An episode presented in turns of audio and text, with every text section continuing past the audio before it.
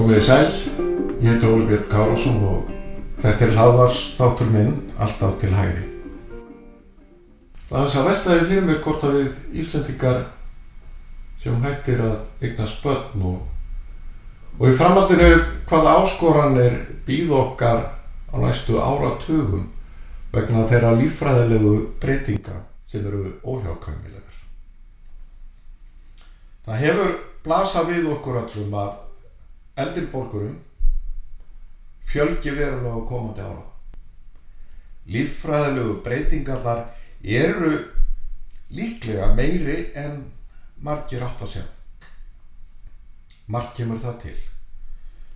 Fjölmennir árgangar er að ljúka starfsæfinni og lífaldur hefur lengst.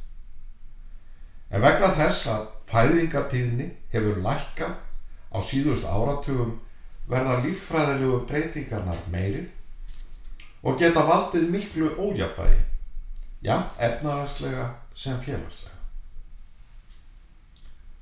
Á liðnu ári voru liðlega 45.000 Íslendingar 67 ára og eldri. Það er um 12,4% landsmanna. Árið 2040 sem er bara rétt handa við hotnið verður hlutvallið komið í 18%. Meðan við mannfjöldaspá hagstofunar verða eldri borgarar fleiri en þeir sem eru undir 20 árið 2056. Eftir tæp 40 ár verða yfir 100.000 Íslendingar 67 ára og eldri eða 22,6% þjóðarinnar. Nýja áram síðar, það er 2069, er því spáð að eldri borgarar verði yfir 109.000 sem þýður að óbreyttu að nær fjórir að hverjum tíu Íslendingum verða 67 ára og eldri. Þeir sem eru á vinnumarkaði eða vinnumarkasaldri, þar að segja 20 til 67 ára, fækkar hlutfalslega á komandi áratugum. Nú er hlutfallið tæplega 63% en verður komið niður í rúmlega 54% árið 2069. Hluti þessa fólks er ekki á vinnumarkaði, er í námi eða getur ekki tekið þátt í vinnumarkaðanum vegna föllunar, veikindar eða af öðrum ástæðum. Á móti kemur að æg fleiri eldri borgarar taka þátt í vinnumarkaðanum að nokkur leiti eða að fullu í nokkur ár eftir að 67 ára aldrei er náð. En það breytir ekki myndinni nema litlu leiti. Þeim fækkar hlutvarslega sem er á vinnumarkaði á móti þeim sem eru utan hans. Að óbreyttu verður innan við eitt starfandi á móti hverjum einum sem ekki er á vinnumarkaði.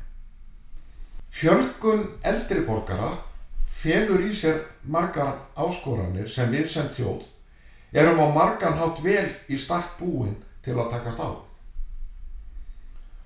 Öldrun þjóðarinnar kallar ekki aðeins á aukin útgjöld til helbriðistjónustu, heldur uppstokkun þjónustunar með stór aukinni áherslu á líð heilsu.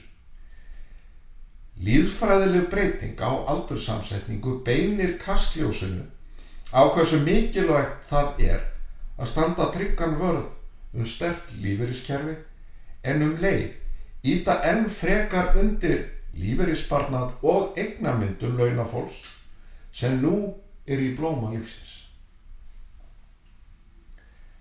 Eftir síðari heimstyrvöldina var fæðingatíðni hér á landi há og var hæsta árunni 1955 til 1960 þegar án var yfir fjögur börn á hverja konu.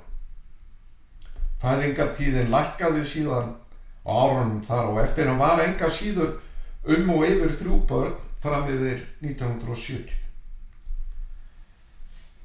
Árið 1985 fór frjósuminn eða fæðingartíðnin undir tvo í fyrsta skipti og sagan endur tók sig ári síðar. Á fimm ára tímabili frá 1999 var fæðingartíðnin rétt undir tveimur að undanskildu aldamótárinu þegar hún skreið rétt yfir tvo. En svo fór barsregnum að fjölga lítilega ný. En frá 2013 til 2020 eða í 8 ári í röð hefur fæðingatíðnin verið undir tveimur.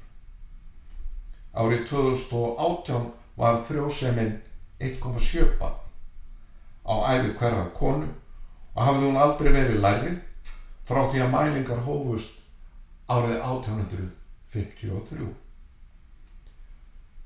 Með öðrum orðum, aldur samsetning þjóðurinnar verður stöðugt óhagstaðari á komandi áratugum og aðeins aukin fæðingatíðni og eða fjölgun nýbúa getur stúið þeirri þróun við. En um leið og við sem þjóð tökumst á við áskoranir komandi áratuga komumst við ekki hjá því að velta því fyrir okkur hvers vegna ungd fólk er hægt að eigna spöld. Við verðum að spyrja okkur erfiðara spurninga. Erum við sem þjóð fjandsamleg barnafólki? Er atunulífi neikvægt út í barneignir starfsmanna? Fórna foreldrarnir og þá, ekki síst konan, framgangi í starfi með barneignum? Eru þær fjárhanslegu byrðar sem barnafólk þarf að bera svo þungar að lítil skinnsemi er í þeirri ákverðum að eignast barn? Er skipulag og samspil vinnumarkaðar, leik og grunnskóla svo brengað að ungt fólk treysti sér ekki í barninnir? Þetta eru allt spurningar sem við þurfum að leita svara við.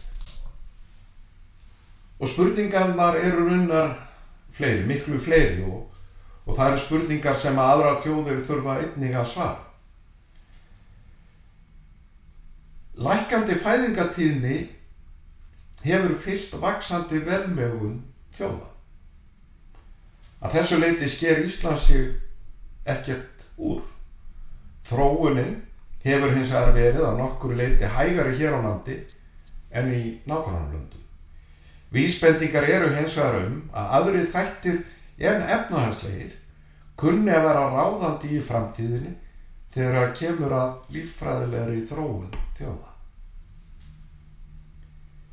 Í september síðastleinum var kynnt í læknatímareitinu Lancet niðurstaða viðamikilla rannsóknar meðal 10.000 ungmenna á aldrinum 16 til 25 ára í tíu löndum um lofslagskvíða og áhrif lofslagsbreytinga á líf þeirra. Sælt að segja eru niðurstöðunar sláandi. Næri 6 að hverjum 10 ungmennum hafa mikla eða mjög miklar ávíkjur af lofslagsbreytingum. Sveipaður fjöldi er ósáttur við aðgerði stjórnvalda í lofslagsmálum og telja sig svikna af eldri kynnslóðum og stjórnvöldum. Þrýr fjörðu taka undir fulleringu um að framtíðin sé ógnveikjandi. Um helmingur þess er fullvis að tækifæri ungmenna verði færri og verri í framtíðinni en fóröldara þeirra fengu að njóta. Það er einn að hverjum tveimur segist glíma við lofslags kvíða sem hafi áhrif á daglegt líf viðkomandi. Fjórir að hverjum tíu, 40% eru hikandi við að egna spönn vegna yfirvofandi lofslags hamfara. Þessara nýðustöður eru í raunni takt við það sem kom fram í greiningaskíslu sérfræðinga Morgan Stanley fjárfæstingabankans en Bankir sendi viðskiptavinu sínum í vor ábendingum það að vaksandi tilnein sé til þess að eignast ekki börn vegna óta við lofslagsbreytingar og þessi óti og þessi tilnein sé að hafa meiri og hraðari neikvað áhrif á þróun fæðingartíðinni en nokkrir aðrir áhrifa þættir á síðustu áratugum. Ef til vill áða ekki að koma á óvart að und fólk sé ríkara mæli en áður að verða aðfuga barnignum. Varlega er hægt að komast undan daglugum hörmungarfréttum af áhrifum lofslagsbreytinga. Auðvitað eigum við hvert og eitt að taka umhverfis og lofslagsmál alvarlega. En fjölmiðlar, stjórnvöld og vísindamenn hafa síðustu árum skapa menningu örvæntingar hjá almenningi. Ekki síst þeim sem yngri er. Afleiðingin er vaksandi kvíði og bölsíni á framtíðina. Madeleine Kers, bladakonu og réttöfundur, bendir á í nýleri grein í breska tímaritinu The Spectator að ótti við framtíðin og barnegnir sé að mestu ástæðu laus. Líklegt sé að börn sem fæðast í dag eigi lengra og betra líf fyrir höndum en þau sem undan komu. Þau fóðu betri mentum, njóti betri heilsu og þeirra býði betri og fjölbreyttari störf en fyrri kynnslóður áttu kost á. Kér segir nöðsynlegt að beita skinnsemi til að takast á við lofslagsbreytingar. Sú hugsun að barndegnir íþingi jörðinni byggist á þeirri trú að mannkinnið sé vandamálinn og að framtíðin séu af hættuleg fyrir nýjar kynsluður. Að mannskjætnan hættið að fjölga sér er raunveruleg óg og nöturleg framtíðasín. Varla ætlar mannkinnið að takast á við lofslagsbreytingar með því að útrýma sjálfur sér.